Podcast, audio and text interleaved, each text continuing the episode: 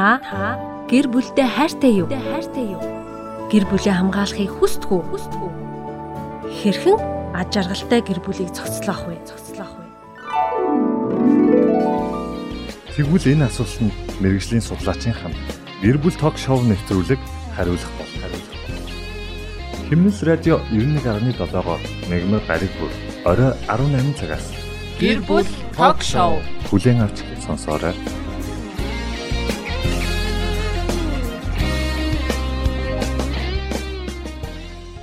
Химнэл радио 91.7-оор мегмар гариг бүр гэр бүл ток шоу нэвтрүүлгээ өргөдөг. Тэгээ өнөөдөр надад нэвтрүүлэг хөтлөн явуулахаар гэр бүл судлаач өсгөө маань ирээд байна. Орой минь өсгөө. Сайн байцгаана уу. За өнөөдөр бид нар гэр бүлийн сэдвээ гэр бүлийн хүчирхийлэл гэдэг сэдвээр сонгосон.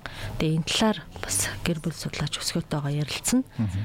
За мэдээж эхний асуулт бол гэр бүлийн хүчирхийлэл дотроо маш олон хэлбэрээр явагддаг. Тэгээд мэдээж энд илүү их эмгтээчүүд хүүхдүүд тохирдог гэд асуудлыг эхлээд яриул. Ер нь гэр бүлийн хүчирхийлэл яг ямар хэлбэрүүдээр явагддгийг. Ерөнхийдөө гэр бүлийн хүчирхийллийг бие махбодын сэтгэл санааны тэгээд эдийн засгийн бэлгийн гэдэг гих мэтчлэн ингээд олон 3 4 одоо хэлбэрээр их үлдэгдэж байна гэд одоо судлаач одоо гэр бүл судлаач нараас яриад байгаа. Тоо мэдээгээр бол эмэгтэйчүүд илүү хохироод байна. Дээрээс нь одоо өртөж байгаа хүн хүүхдүүд илүү их өртөд ийн гэж ярьж байгаа шүү дээ.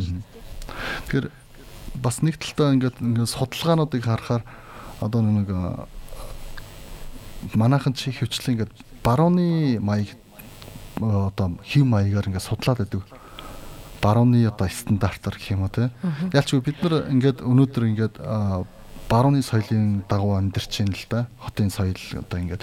Тэгэхдээ бид нар чинь нэг Аз хүмүүс тэр дундаа монголчууд ингээд нүүдэлж байгаа байхгүй. Тэгээ бидний сэтгэлгээний цар хүрээс бидний сэтгэлгээний төвшин маань одоо европчуудын сэтгэлгээний төвшнөөс одоо өөр багхгүй юу. Гэхдээ яг энийг ингээд өөр гэхээр ингээд илүү эсвэл багадаа биш ингээд зэрэгцээ хоёр юм байна гэж ойлгож болохоор одоо хин нэгнээсээ нэг илүү гарах гэдэг юм байхгүй зүгээр л ондоо. Тэгэхээр хев маяг амьдралын хев маяг ерөнхий нөгөө одоо зан заншлын хувьд ч гэдэг юм уу тийм. Бид өөр багхгүй. За хамгийн одоо энгийн жишээ дурдахад одоо жишээ нь дундад зууны үед одоо Чингис хааны байлдан дагууллын үед яадаг байсан бэ гэхээр а Европт одоо эмэгтэй хүнийг юу гэж үздэг гэхээр нэгдүгээрт хүүхэд төрүүлэгч хоёрдугаарт гэр бүлд штэ бэлгийн одоо хэрэгцээ хангагч гэдэг юм уу ингээд тэгээд нэг дунд дундад цөөнүү үеийн сургуулиудад эрэгтэй хүмүүсийг заримдаа нөх хүчрхийлдэг байсан багш нар нь.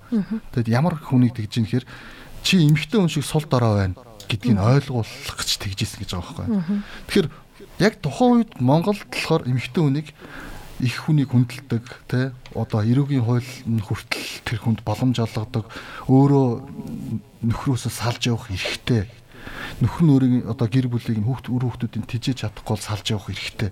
Гэх мэтчлэн ингээд яг тухайн үед монголчууд эмэгтэйчүүдийг хамгаалах одоо их олон бүр одоо нэг зан заншлаас одоо одоо үсрээд өөр хуулиар хамгаалдаг.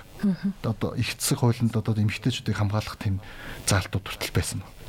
Жишээ нь одоо эрүүгийн хууль одоо гимт хэрэг одоо эрүүг одоогийнхаар эрүүгийн хуулийн дээр одоо юу хийнэ юу гэдэг лээ тасан шийдвэрлэнэ гэх юм бол эмэгтэй хүнд хамаагүй зөөлөн ханддаг байсан. А гих мэтчлэн бид нар чинь ийм уламжлалтай хүмүүс байхгүй юу.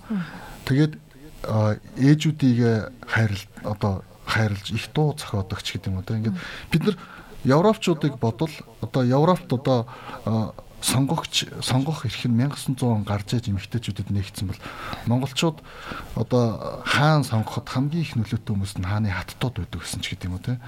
Гэх мэтчлэн бид нар ингээд уламжлалаараа ингээд э, эмэгтэйчүүд ингээд Монголын нийгмийн амьдралд маш гүн гүнзгий оролцдог тийм байсан байгаа байхгүй юу. Тэгээд яг өнөөдрийн нөхцөлд бид нар жоохон юу байна л да. Одоо ингээд өөр болчиход байна л да.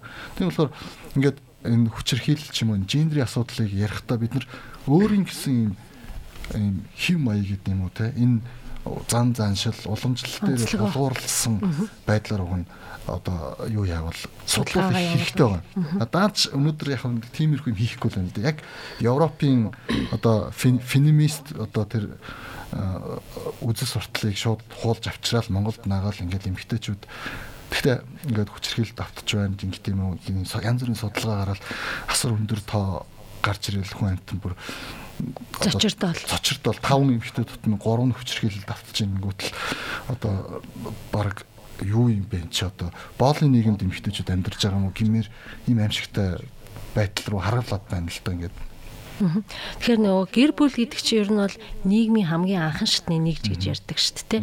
Нөгөө анхан шатны нэгж маань эрүүл байжээч тэр улс орон үнд суурь бат бөх байна гэж бас ярьдаг шүү дээ. Тэгээ энэ дэр ерөнхийдөө одоо ингээд ингээд аа одоо сошиал дээр ч юм уу ер нь ингээд Монгол эмэгтэйчүүдийн хандлагыг харахаар мосоо ирчүүд гэл мосоо Монгол ирчүүд гэл тэгээд яриад идэх байхгүй. Тэгээд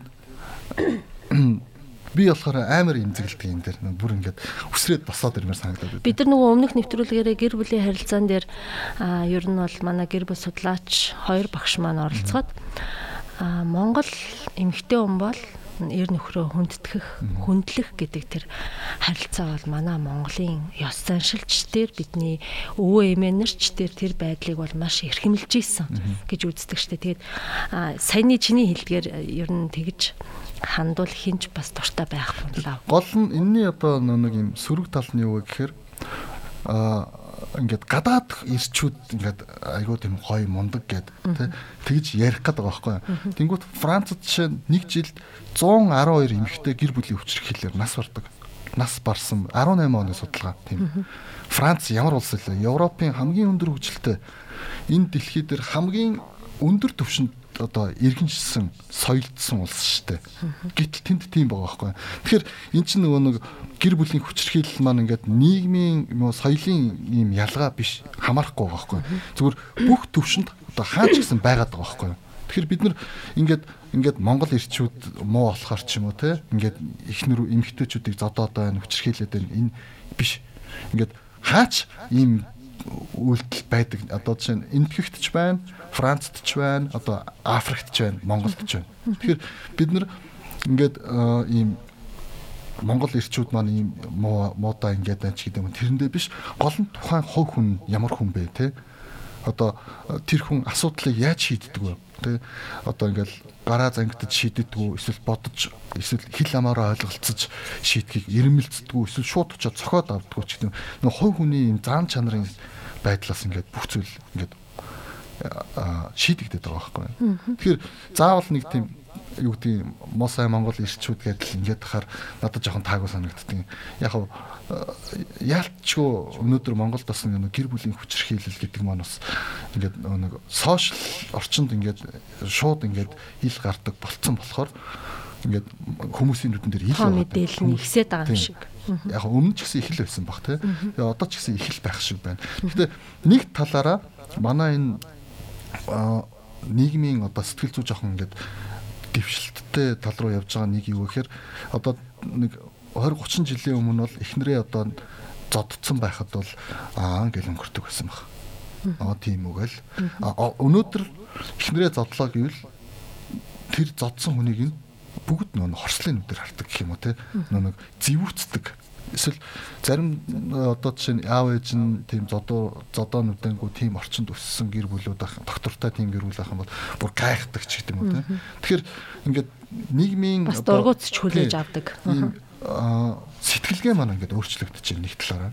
Тэгэхээр бас энэ гэр бүлийн хүчирхээлтэд тэмцэх энэ тэр хүн чинь одоо буруу зүйл хийх гэдгийг нийгмээрээ хүлээн зөвшөөрч байгаа учраас хүлээн зөвшөөрөөд хуулаа хүртэл гаргацсан байна. Тэнгүүт нөгөө хүн чинь бас нэг өөр юм бодохоор байхгүй хэрвээ тийм хүчирхийлэгч юм байвал тийм нэг дэвшилт гэх юм бол тэр тал дээр.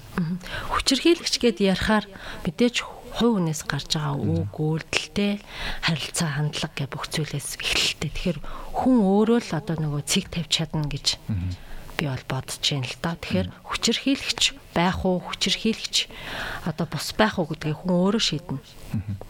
Тэгэхээр одоо гэр бүлийн хоёр хүн ингээд хоорондоо одоо танилцаад ингээ амьдрал зохиолоо штэ. Одоо тэгтээ харьцангуй одоо амьдрал зохиож байгаа залуучууд маань дэндүү хөнгөн хийсвэр асуудалт ерөөсөө тийм няхуур хандахгүй байж гэх юм уу шалгуур тавихгүй байж гэх юм уу энэ бол бас л энэ асуудалтай холбоотой олов гэж би бодож байна. Тий. Зөв хүнээ сонгоогүй гэж гэдэг юм уу тий. Хит сэтгэлийн хөөрлөөр сонгоцсон дараа нь тэр нь алдаа болоод одоо хэрүүл маргаан даамжраад тий.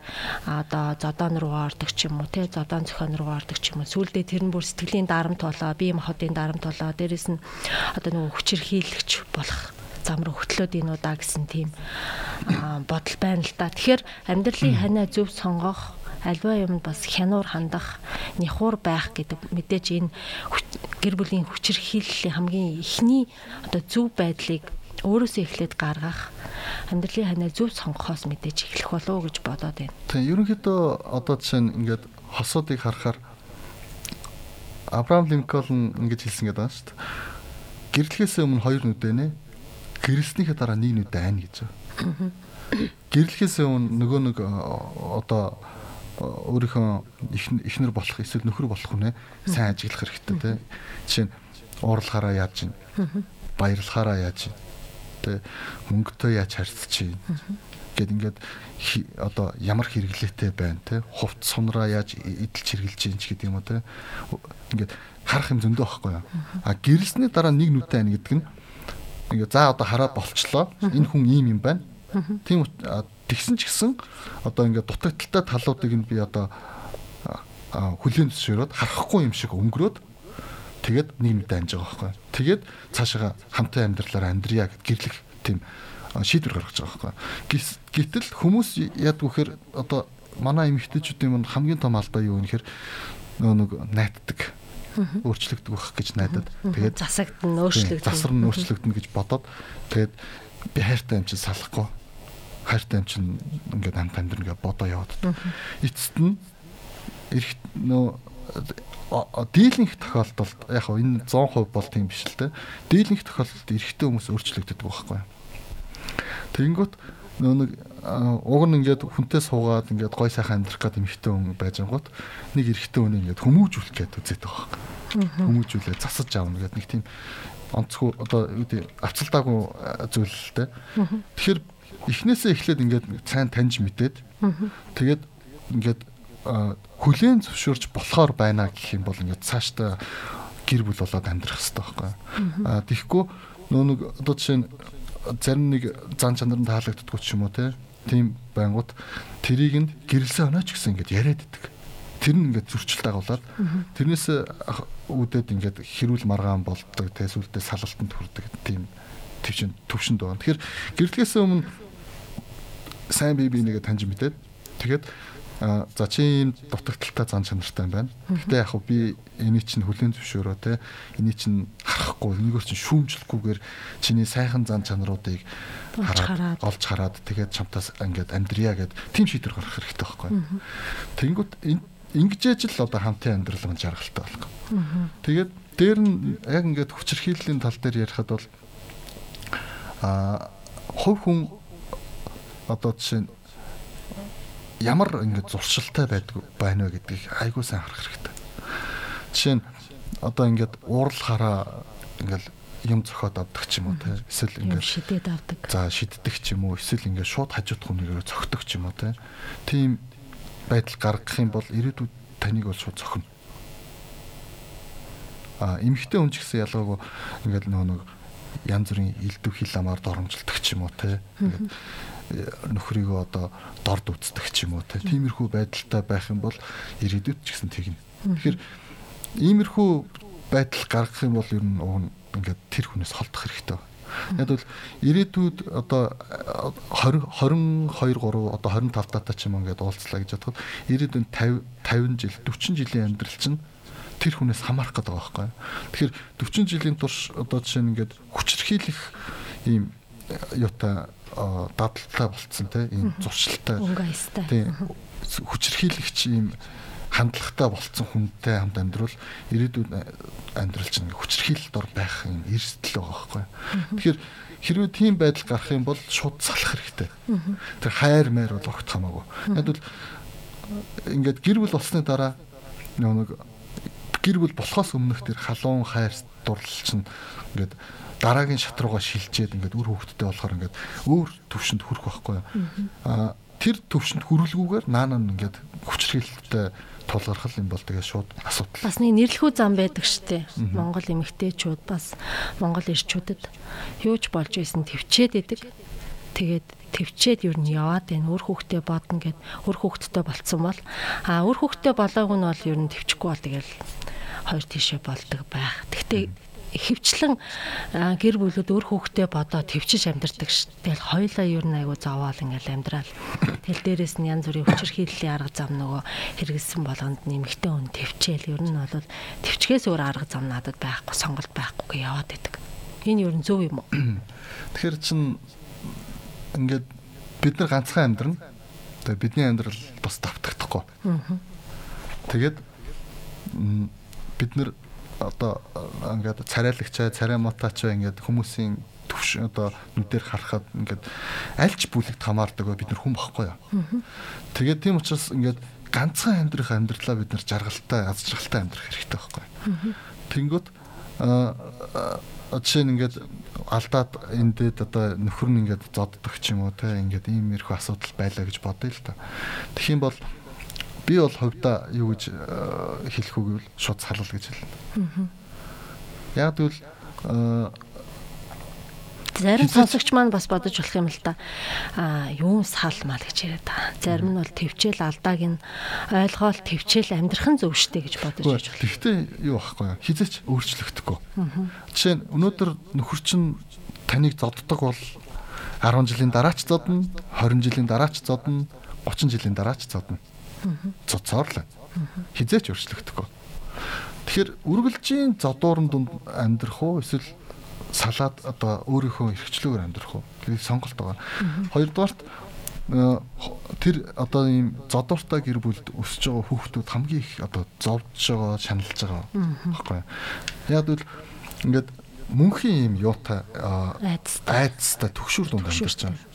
Тэгээд юу тэр одоо хүүхдүүдийн хамгийн их боддог бодол тийм гэр бүлээс гарсан хүмүүсийн хамгийн их боддог бодол юу гэхээр хурдан том болох юмсан.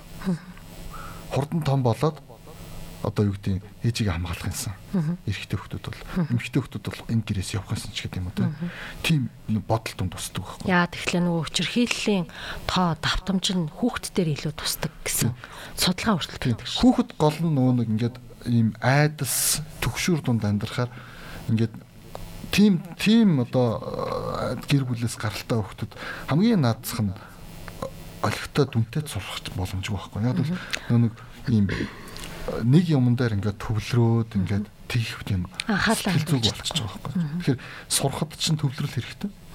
Эсвэл нэг юмыг ингээд төвлөрөөд хийх ч юм уу цаг гаргах тийм ийм зуршил хэрэгтэй байхгүй. Тэгэхээр тийм айдас төгшөр дунд амьдарч байгаа юм тийм юм цаг гаргаад ингэхийсэн гэсэн тийм бодол байхгүй ийм мөнхийн докторгүй байдалтай амьдарч байгаа. Тэгээд аав нь архиуж ирээл зоддог байх юм бол яана одоо хизээ архиуж ирэх бол гэж айдаг. Яг тийм сэтгэл зүй дунд амьдрах байхгүй. Тийм сэтгэл зүй дунд амьдрна гэдэг бол тэр хүүхдийг зүгээр л тамлж байгаа байхгүй зүгээр шийтгэж байгаа байхгүй. Тэр хүүхдийг зодсноос илүү аимшигтай шийтгэл байхгүй. Мөнхийн тийм сэтгэлийн дарамтанд байлгана гэдэг юм. Тэгэхээр гинт уурлаад зүг зүгээр байж байгаа нэг ууралсан үедээ нэг тийм үйлдэл гаргачихж байгаа байхгүй. Тэр нь нэг багада харж харж сурсан тэгээд ингээд байн харсан зүйлсээс тэр зүйл нь шалтгаалаад тийм үйлдэлд хүрж байгаа байхгүй. Тэг яг аав ээж нь ээж нь ингээд зоддог байлаа гэхэд аа шээ аавыг нь ээж нь зоддог байлаа гэхэд тэрнээсээ болоод хүүхдэн дараа нь эхнэрээ зоддог тийм тохиолдлууд бол маш их байгаа. Тэр бол зөндөө. Би бас нэвтрүүлэгт орохын өмнө нэлийн их мэдээлэл харсан л та. Өнөөдөр та хүүхдтэй гар хөрвөл маргааш таныг хүүхдтэй нь ирээдүйд яах вэ гэдгийг нэг бодоорой гэсэн гарчигтай мэдээлэлээс л зэрэг уншаад бас айх чиг бас тийм мэдрэмж. Тэгээ бид нар ч юм бол одоо 70 80-аад он 90-ад он 2000 он гэл 2010 он гэл он оноор үечлэл ингээл хүмүүсийн хүмүүжлэг ярьдаг штеп. Тэгээд 70 80-аад оныхын чинь тэгэл ээж авдаа зодуулаад өссөн хүмүүс байдаг штэ гэл тэр мэдээний доор комент дээр нь бичсэн байсан л та. Энийг юу гэж бодох вэ? Юу гэж бодож байна? Яг одоо ингээд нэг нийгэм чинь ингээд хөгжиж байгаа байхгүй юу? Тэгээд манай одоо би ч гэсэн одоо жишээ нь багштай зодуулдаг ч юм уу ингээд ах нартай ээжтэй л нэг зодуулж байгааг байх. Ах нартай зодуулдаг ч юм ингээд зодуулаад өссөн. Тэнийг юм боддгоо. Тэр үед их л угаасаа нэг байр байраа хуваагдж байгаа л зодтолдог тийм байсан байхгүй. Тэгээд тухайн нийгмийн төвшин нэг тэр хавьд байж л та. Гэхдээ өнөөдрийн нийгмийн төвшин хүмүүсийн сэтгэлийн арай өөр газар байгаа байхгүй. Тэнгүүт а би тэгжсэн ингээл 30 жилийн өмнөхөөрөө яваад иж болохгүй байхгүй. Тийм болохоор тэгж болохгүй. Нийгмийн хөгжилтэйг хөл нийлүүл алхах хэрэгтэй. Тэгжээж хүүхдүүдтэй зөв хүмүүжүүлэн те. Өнөөдөр чинь биднийг баг байхад чинь Facebook байгаагүй те хүүхд гар утасны хэрэглэе гэж байсангүй те. Одоо ингээд хамгийн их одоо толгомдсон асуудлын нэг нь одоо хүүхдүүдийн гар утасны хэрэглээч гэдэг юм те. Ингээд тэгэхээр бид нар нийгэмд яаж хөгжиж чинь тэр тэгээ ингээд уялдаад хөгжих хэвээр. Тэгээс хуучин би ингэдэг байсан юм а ингэчээ гэж болохгүй. Одоо бол хүүхдүүд гар хөрвөл хуйлтай шүү гэл ээж авдаа баг тэгж хэлэхээр үе ирсэн байна л та. Бас нэг талдаа юу хүүхдийг одоо чинь зодож шийдэхгүй байх гэд цагдаагийн ерхий газраас өнгөрсөн жил аян өрнүүлж ирсэн шүү дээ. Яг хүүхдээ ингээд ийм айцтай өсгөж болохгүй л да нэг одоо яана би зодуулна. Одоо яана би зодуулна гэдэг ийм айцтай өсгөж болохгүй л да. Харин яана би буруу юм хийчлээ одоо яана гэдэг тийм айцтай байх хэрэгтэй байхгүй. Өвн зүв. Яг бол буруу юм хийлээ би шийтгүүлнэ буруу юм хийсэн юм чинь би одоо яана гэдэг тийм сэтгэл зүй байх хэрэгтэй. А тэрнээс би одоо зодуулна яана. Нөө буруу юм гэдгээ бодохгүй зөв нөө зодуулна гэдгээс л хагаад байгаа. Нөө хийсэн үйлдэлээ бодохгүй байхгүй. Тэгэхээр тийм байлгаж бол болохгүй. А гэхдээ одоо эцэг эхчүүдийн хувьд тодорхой хэмжээнд хүүхдийг нэг сургахын тулд хайн нэг гар хүрэх бол байх л зүйл байна. Манай нэг найз найз байсан хүүхэд нь 3 таа байсан баха тэр үед. Тэгээд би нэг гертэн зочлоод очсон. Бид нар ингээд нийлээл ингээд нэг пицца мэцаа хийж идэл байдсан. Тэгсэн чинь тэгж байгаа байхгүй. Хүүхдээ хүүхэд нь ингээл миний өөр дээр гард суугаал ингээл өмглээл байсан. Тэгэл би нөгөө нэг байнга ямар тэгээд очиод байдаг гэсэн нэг хүүхэд тэгэхээр нэг юм ботхгүй байгаа л. Тэгсэн чи аав нь одоо бол гэсэн чи болохгүй байхгүй. Тэгээд бүр сүулдэ бүр болохоо яхаар нь аав нь тэгж байгаа. Чамааг би юугаа юу лээ? Чи өөрийнхөө тэр хүүхд ингээд зодортой байхгүй. Тэрийгээ тэгээд гол нь өөр очиж авчираад аавдаа өгдөг те аав нь тэрийг цогт. Тийм ухамсар суусан. Тэгж сургасан байгаа хүүхдээ.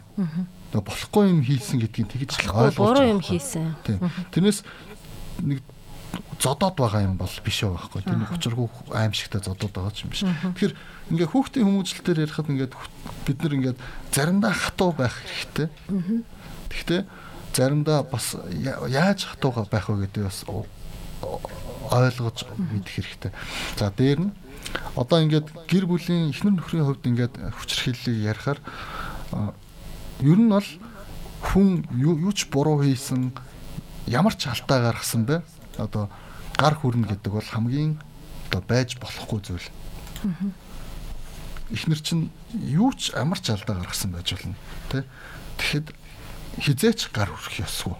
Нөхөр чинь ямар ч алдаа гаргасан байж болно хизээч гар хүрэх ёсгүй. Энийг л ойлгох хэрэгтэй. Яг бол тэр чинь хүн бохгүй юу. Тэгээд а тийм учраас хамгийн түрүүнд эхнэр нөхрүүд одоо хил амаараа л зөв сайн ойлголцдог тийм хэмжээнд л хүрэх хэрэгтэй.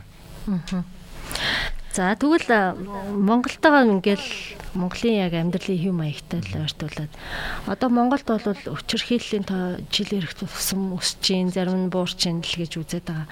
Мэдэгдэж байгаа нь энэ боловч мэдэгдэхгүй байгаа нь зөндөө байгаа гэж ярьдаг шүү дээ. Одоо яг жишээ нь бодит жишээн дээр ичидийн орон гэдэг төсөл хэрэгжүүлээд явж байгаа. Ган чавлангийн одоо тэр төсөл дээр хамтарч ажиллаж байгаа хүмүүсийн тэр жишээ байрамд ган чавхлангийн өөрийн бичиж байгаа пост дээрэс нь яг өнөөгийн байдлыг яг бодит үнээр нь бичээд ийн л та. Тэр талаар мэдээж бас сонссон бах, унссан бах. Тэгэхээр ялангуяа ядуу байдал нийгмийн энэ а одоо эмгцэгцэхгүй нэг л нэм юмаа олж чадахгүй хөлөө олж чадахгүй байгаа манай Монгол улсын нийгмийн нөхцөл байдал бас гэр бүлийн хүчирхийлэл үйлдэхэд бас нөлөөлөд ийн үү? Хүмүүжилт гэх юм уу? Хувь хүнд гэх юм уу? Ерөнхийдөө бол яг гэр бүлийн хүчирхийлэл төр бол нийгмийн гарал боловсролын түвшин бол нэг хамаагүй. Яг тухайн хүн хувь хүнээс л хамаарна. Жишээ нь хичнээн амар баян байсан ч эхнэрээ зовдөг эхнэрээ эдийн засгийн хувьд хүчрхийлдэг ч юм уу тийм хүмүүс байна штэ.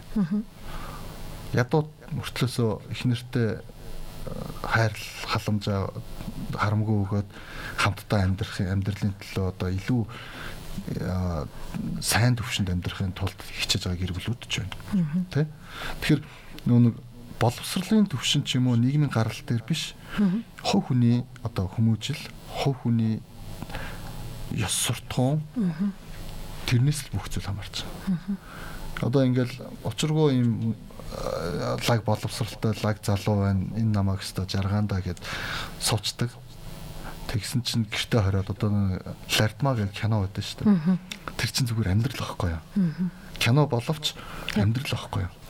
Эмэгтэйчүүдийн энэ яг ингээ бие махбодын хүчирхийлэлд автж байгаа сэтгэл санаа нь гэр бүлийн хүчирхийлэлд автж байгаа эмэгтэйчүүдийн хамгийн хэцүү юм нь нэгдүгээр хүүхдүүдэд бодоод хоёрдугаарт нэг эдийн засгийн хувьд хараат учраас одоо хөр хүүхд төрүүлээд гэртээ суухаар ажил хийх боломжгүй. Санхүүгийн хувьд. Тийм. Тэгээд нэг яг хуу хүүхэд нь жоохон том болоод ажил хийсэн ч гэсэн нэг эрэгтэй хүнийг давах тийм цалин авч чаддаггүй ч юм уу тийм байдлаас болоод нэг салах тийм юунд хүрэх шийдвэрт хүрэхэд айгүй хүнд өгдөг байхгүй.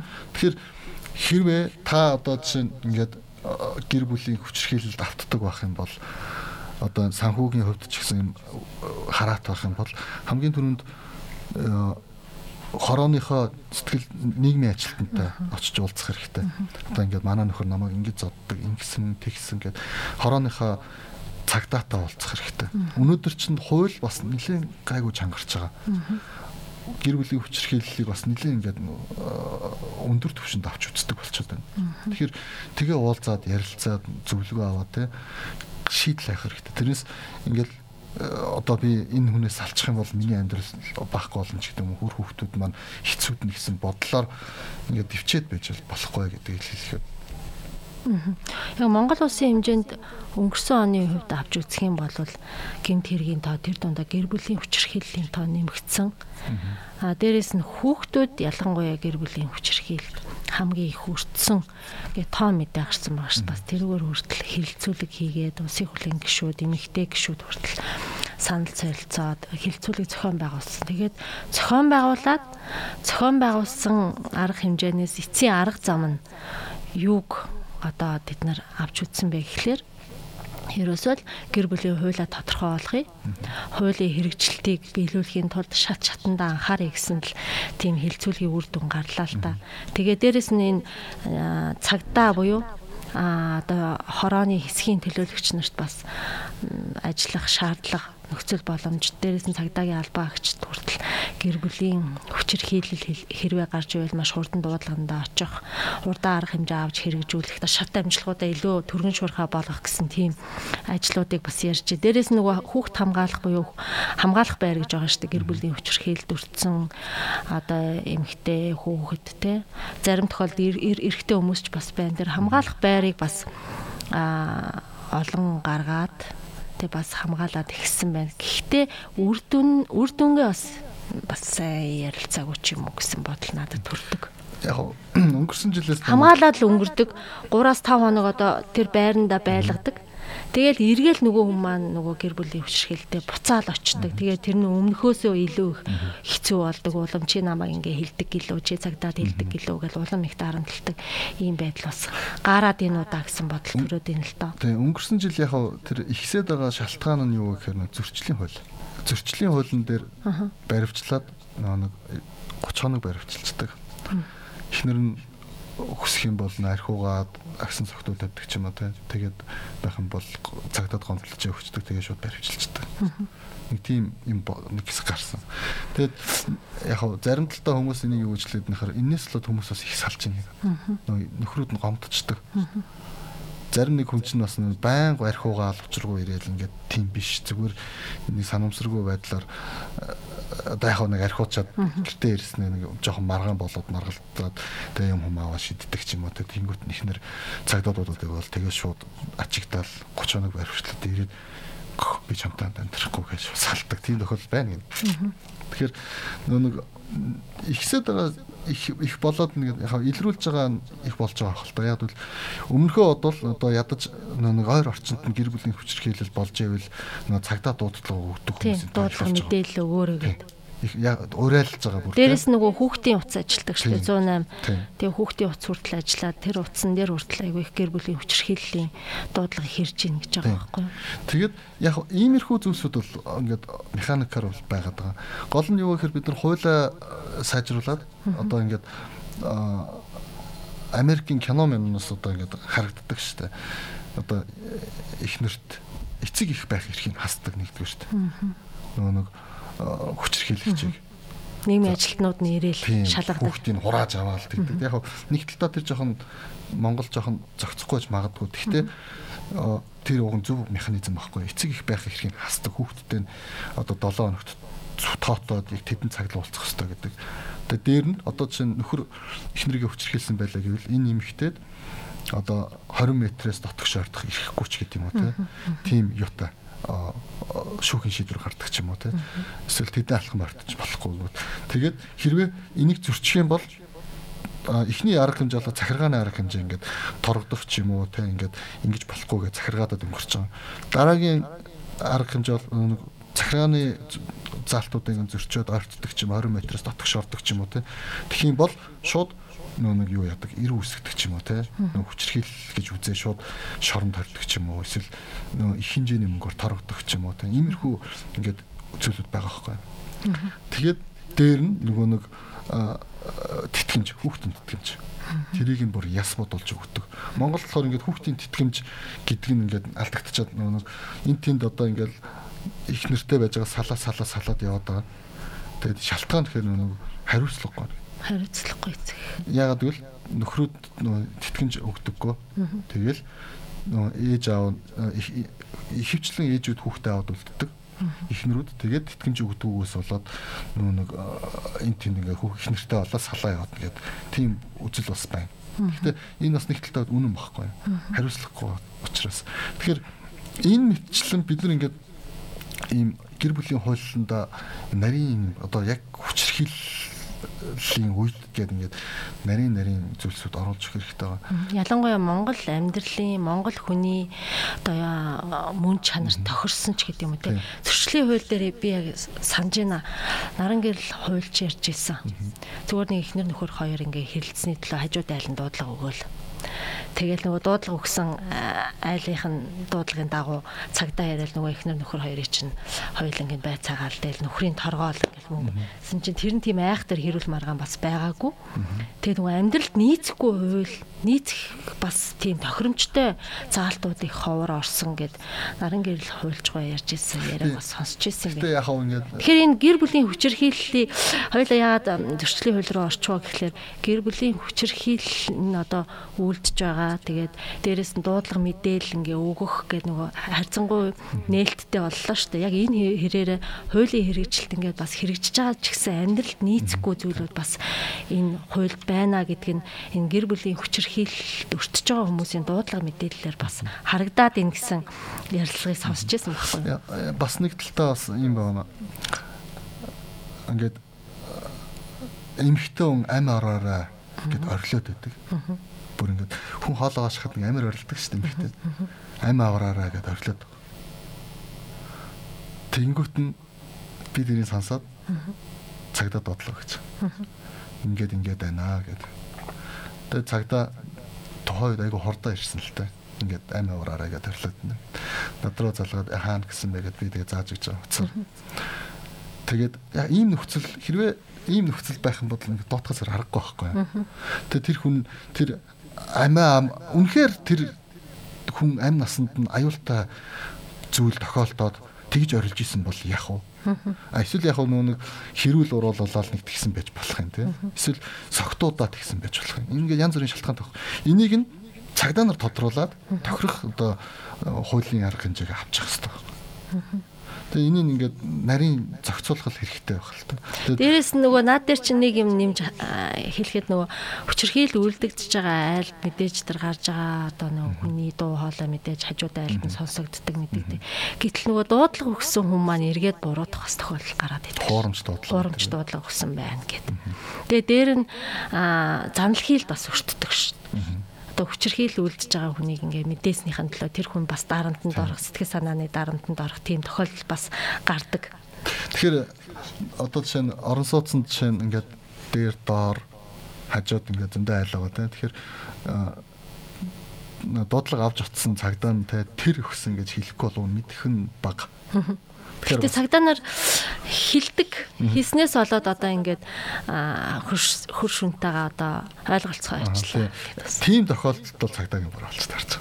Яг нүн тэр чин ясам дээр нүн гэрч байхгүй гэрчийг хамгаалах хэрэгтэй байхгүй тий. Нууцыг хадгалах хэрэгтэй. Тий гэрч байхгүй. Энэ мэтлэн зөвлөд ингээд яг бид нарт ингээд өнөөдөр би болохоор энэ зөрчлийн хуулийг хоёр талаар хардаг. Нэг талдаа бас энэ дэвшил байхгүй. Юм. Нөгөө талдаа яг буруу амьдралд боохгүй гэдэг. Явандаа энийг засах бах. Амьдралд буулгаж засах бах гэж найдаж байгаа. Гадны имийг одоо шууд хуулж шууд хуульчлах биш шууд судалгаа авах биш. Монголдо нийц үсэн.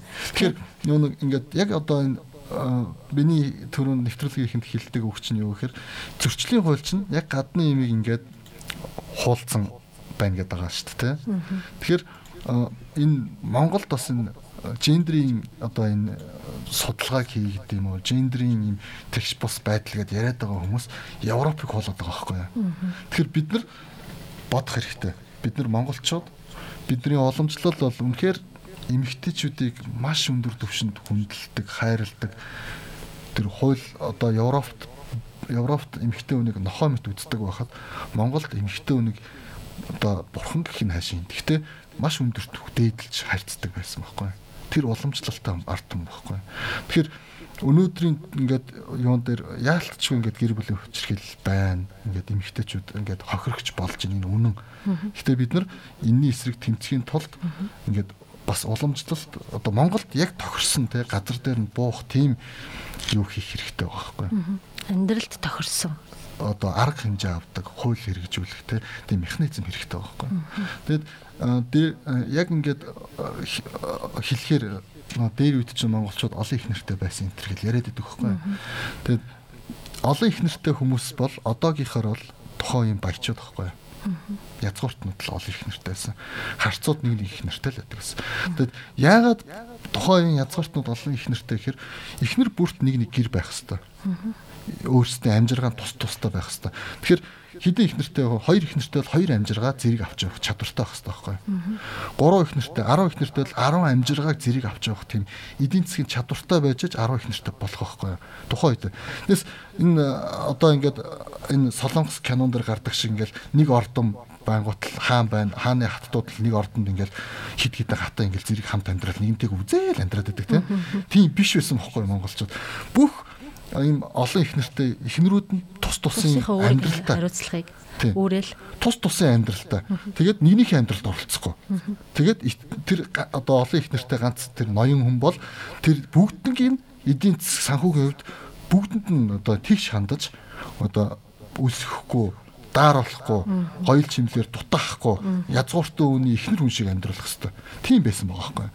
Тэгэнгүүт харцууд харц ардууд энгийн ардууд чинь тийм төвшин чадвар байхгүй. Тэгэхээр нэг л их нэртэй. Тэгэхээр монголчууд яг ингээд дээд төвшөнд олон их нэртэй байж аа яг ингээд бидний одоо зиндааны гэх юм уу те ингээд харцууд нь бол ганц ганц их нэртэй хідэн хүүхдтэйг ингээд нэг амьдралаар амьдарч ирсэн байхгүй. Тэгээд масара мас нь тийм амьдралтай байсан. Хэсэг бүлэг нь олон их нэртэй нэг тийм байсан. Тийм байх юм байла. Тэгээд бидний ингээд уламжлалаа бодоод бид нар ингээд энэ гендрийн асуудалтай гэр бүлийн хүчирхийлэлд. Гэтэ нэг хүмүүсийн нэг юм буруу ойлголт байгаа. Уламжлал ингөт л ингээд зохиж авах нь зөв эн чинь Монгол уламжлал гэдэг үгүй. Жишээ нэг юм үг байгаа шүү дээ. Эхнэр илжиг хоёрыг сард нэг удаа зодох хэрэгтэй л говших хэрэгтэй гэдэг үг байгаа. Энэ Монгол үг биш байхгүй юу? Орос үг байхгүй юу? Оросоос монголчууд авч хэрэглэсэн үг байхгүй юу? Тэгэд монголчууд үүн эхнэрээ зоддог тийм соёлтой ард юм биш. Тэгэхээр эхнээсээ бид нар ингээд өөрсдийнхөө уламжлалыг ингээд буруу ойлгоод буруу таньж мэдээд тэгээд ингээд монгол уламжлал ингээд л эхнэрээ зоддог, дээрлэгдэх үгүй байхгүй юу? Бид нар ингээд бодох юм бол өнөөгийн зүгээр энгийн гэр бүлийн төвшөнд шийдвэрийг хэн гаргадаг вэхээр аав гаргадаг л та. Гэхдээ тэр аавыг хэн ингээд ард нь атгаа сууж өгөхөр ээж атгаа сууж өгөх. Хизээч ээжийн үгүй гэсэн юмыг аав тийм гэж зөрүүдэлж хийдэггүй байхгүй. Зүгээр энгийн гэр бүлүүдийн жишээн дээр шүү дээ. Тэгэхээр гэр бүлд ээжүүдийн үүрэг райл те тэр нөлөө маш их байхгүй. Тийм учраас хүүхдүүд ээжигээ л дагна Яг бол нөө ээжтэйгээ их цаг хугацаа зарцуулдаг. Ээжтэйгээ их удаан хамт байдаг. Аав бол ажил хийгээд яваад өгдөг, орж ирэл гардаг. Тийм болохоор нөө ээжийн нөлөө хүүхдүүдэд их. Тэгэхээр хүүхдүүд ээжигээ гэхээр гэр бүлд ээжийн нөлөө их байхгүй. Тэгэхээр манай уламжлал, манай нүүдэлчин соёл иргэн шил маань ингээд уг нь бүх юмыг ингээд тэнцвэртэй авч явж ирсэн ба. Тэгэхээр бид нар өнөөдөр ингээд гэр бүлийн хүчирхийлэлтэй тэмцэхтэй, ингээд гендрийн тэгш бус байдалтай тэмцэхтэй ингээд уламжлалаас харах хэрэгтэй байна. Тэгээд сүүлд нь хэлэхэд ингээд гендрийн тэгш бус байдлыг ингээд яг уу одоо энэ их хурал дээр ч юм уу те ингээд шийдвэр гаргах төвшин улс төрдөл их яриад байна. Тэгээд солонгосчууд ирээд гайхдаг штэ. Имлэгт ороод эрэгтэй эмч цөөхөн Дандаа эмхтэй эмчдэг. Аль нэг хотын захиргаанд очингоо дандаа л эмхтэй хүмүүс ажиллаж байдаг. Биш танаа ирчүүд хайчсан ингээд асуудаг. Солонгост эмхтэй хүн 10 жилийн өмнө эмч болох нэг ховор байсан. Одоо бол ингээд эмхтэй эмч олонтой болж байгаа.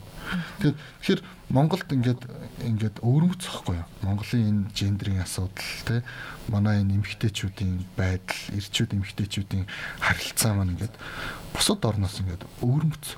Тийм учраас бид нар ингээд бох гадны имийг авчраа шууд хуулж тавингууд яг одоо хуулж тавиад ярингууд энэ зөрчлийн хууль ямар их ингээд асуудал дагуулад хүмүүс ингээд эсрүүцээд байна шүү. Яг энтэй нь гендрийн асуудал чинь ингээд гадны имийг дуурайчингууд ингээ асуудалтай болчиход байна. Бид нэг шийдлээ гаргаж чадахгүй, гэр бүлийн хүчирхийлэлтэйгээ тэмцэж чадахгүй тийм ингээд нэг тийм гацанг байдалд орчиход.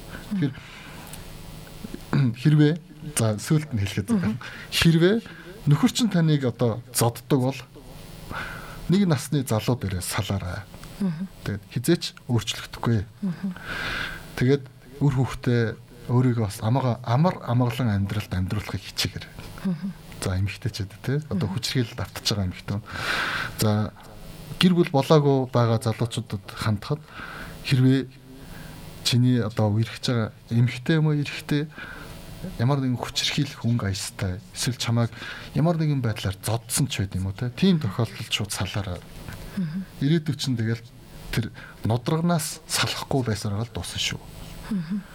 Үр хөвтгөө байх юм бол эртхэн те өөр хүн энэ хорвоо дээр зөндөө хүн байна шүү дээ тэгэхээр бид нар 6 тэрбум хүн дотроос бас нэг өөртөө тохироод өөрийг нь хайрлах хүн олох байлгүй те. Тэгэхээр энэ хүчрхийлэлгүй амьдралыг та өөрөө л бий болгож чадна. Тэгэд хүчрхийлэгч хүнээс зүхтаа холвой тэг хэрвээ тийм байх юм бол хичнээн хайртай байсан ч салах тийм сэтгэлийн тэнхээтэй байх хэрэгтэй шүү л гэж хэлмээр. Гэр бүл судлаачийн зүгээс. Аа тийм салах л хэрэгтэй тийм. Тэгэхээр хүчирхийлэлд хүн өөрөө л цэг тавина гэж ойлгож болох уу? Тийм ер нь бол тийм Гэхдээ яг ингээ өөрчлөгдөх хүмүүс байна. Нөө нэг зарим нэг хүмүүс чинь арх тамхи хэрэгэлдэг зодоонуудын атман байж байгаа л христийн сүмд яваад учиргүй э, тэр цаан чанар нь өөрчлөгдөд ингээд гой болцсон хүмүүсийн талаар бас сонсч байсан байдаг. Тэгэхээр ховор л доо. Хэрвээ хой хүн өөрөө л одоо хүсэх юм бол. Тий одоо өөр одоо ямар нэгэн шашин шүтдэг ч юм уу тий бясалгал хийдэг ч юм уу ингээд өөрөө өөрчлөгдөд ингээд хүчрхийлэгч байж байгаад хайрлагч нэгэн болох боломжтой л доо. Сонголт бол өөр. Тийм сонголт өөрт нь. Гол нь гэхдээ тэр хүн тийм сонголт хийх үгүй юу гэдэг асуудал. Одоо хүчрхийлэгч байх хэсэг нь тэр хүний шийдвэр. Хүчрхийлэлд байх хэсэг нь бас нөгөө тухайн хүний шийдвэр. Тэгэхээр та хүчрхийлэгч хүчрхийлэгч баймаргүй байвал одоо хүч хүчирхийлэгч биш замыг сонгох хэрэгтэй тийм та хүчирхийлэлд баймаргүй байвал хэрвээ хүчирхийлэгч хүний хажууд байвал эртхэн холдох хэрэгтэй найдах хэрэг байхгүй л гэж хэлмээр байна. За баярлалаа. Ингээд өнөөдрийнхөө сэдвэр бид гэр бүлийн хүчирхийл сэдвэр ярьлаа. Өнөөдөр манай радиод ирээд бас гэр бүл судлаачийн зүгээс гэр бүлийн хүчирхийлэлд хүртэж байгаа, хүртэж болзошгүй хүмүүст бас гэр бүлийн хүчирхийл гэдэг ямар хор уршигтай байдаг талаар сонсогч, үзэгч та бүхэндээ бас зөвлөн зөвлөгөө мэдээллийг хүргэлээ. Тэгээ бидэнтэй хамт байж бас бидний зөвлөгөө мэдээллийг сонсож үзсэн үзэгч та бүхэндээ баярлалаа. Тэгээ хамт байсанд өсгөөдөө баярлалаа. За баярлалаа. Тэгээ үзэгч болон сонсогч нартаа сайн сайхныг хүсье. Баярлалаа. Тэгээд нэвтрүүлгийнхаа төгсгөлд бас нэг сайхан хамтлагийн уран бүтээлийг зориулъя гэж бэлдсэн байгаа. Тэгээд энэ доонд би айгүйх дуртай. Тэгээд энэ дооны үг нь би өөрийн гэсэн хүсэл мөрөөдөлтэй, би өөрийн гэсэн үзэл бодолтой. Тэгээд цор ганцхан давтагдчихгүй төрхтэй гээд ингээд айгүй гоё хөхтэй доо байгаа. Тэгээд таны амьдрал ганцхан. Тэгээд тийм учраас та ганцхан амьдралаа бас аз жаргалтай өнгөрүүлээрэ гэж хэлсэн. Бас зөв сонголтоо хийгээрэй. Тэ амьдралынхаа ханийг бас зөв сонгоорой гэж бид нар үргэлж зөвлөдөг. Тэгээд энэ уриалгаа бас дахин хэлээд аадар хамтлагийн дүрлэлзэн ас хэмээх уран бүтээлийг сонсогч та бүхэндээ зориулж байна. За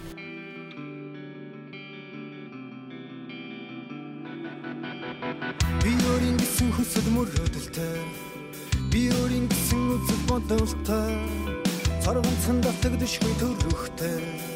Дахин төрөхгүй ганцхан амьдралтай. Би бусдын дотор өөрийн нөлөөтэй. Би бусдын дотор дууддаг нэртэй. Хинч миний үнэмлэх зорчихгүй шиг. Хэн нэгний хүслийн төлөө амьдрахгүй миний дотор гал шиг халуун байг. Миний дотор хүсэл минь дүрлэлцэн шатаж байг. Хэсэгхэн зур гэрэлтэх оч шиг дүүлэг. Асаа дуусах гэж төрсөн юм чинь. Дүрлэлцэн аа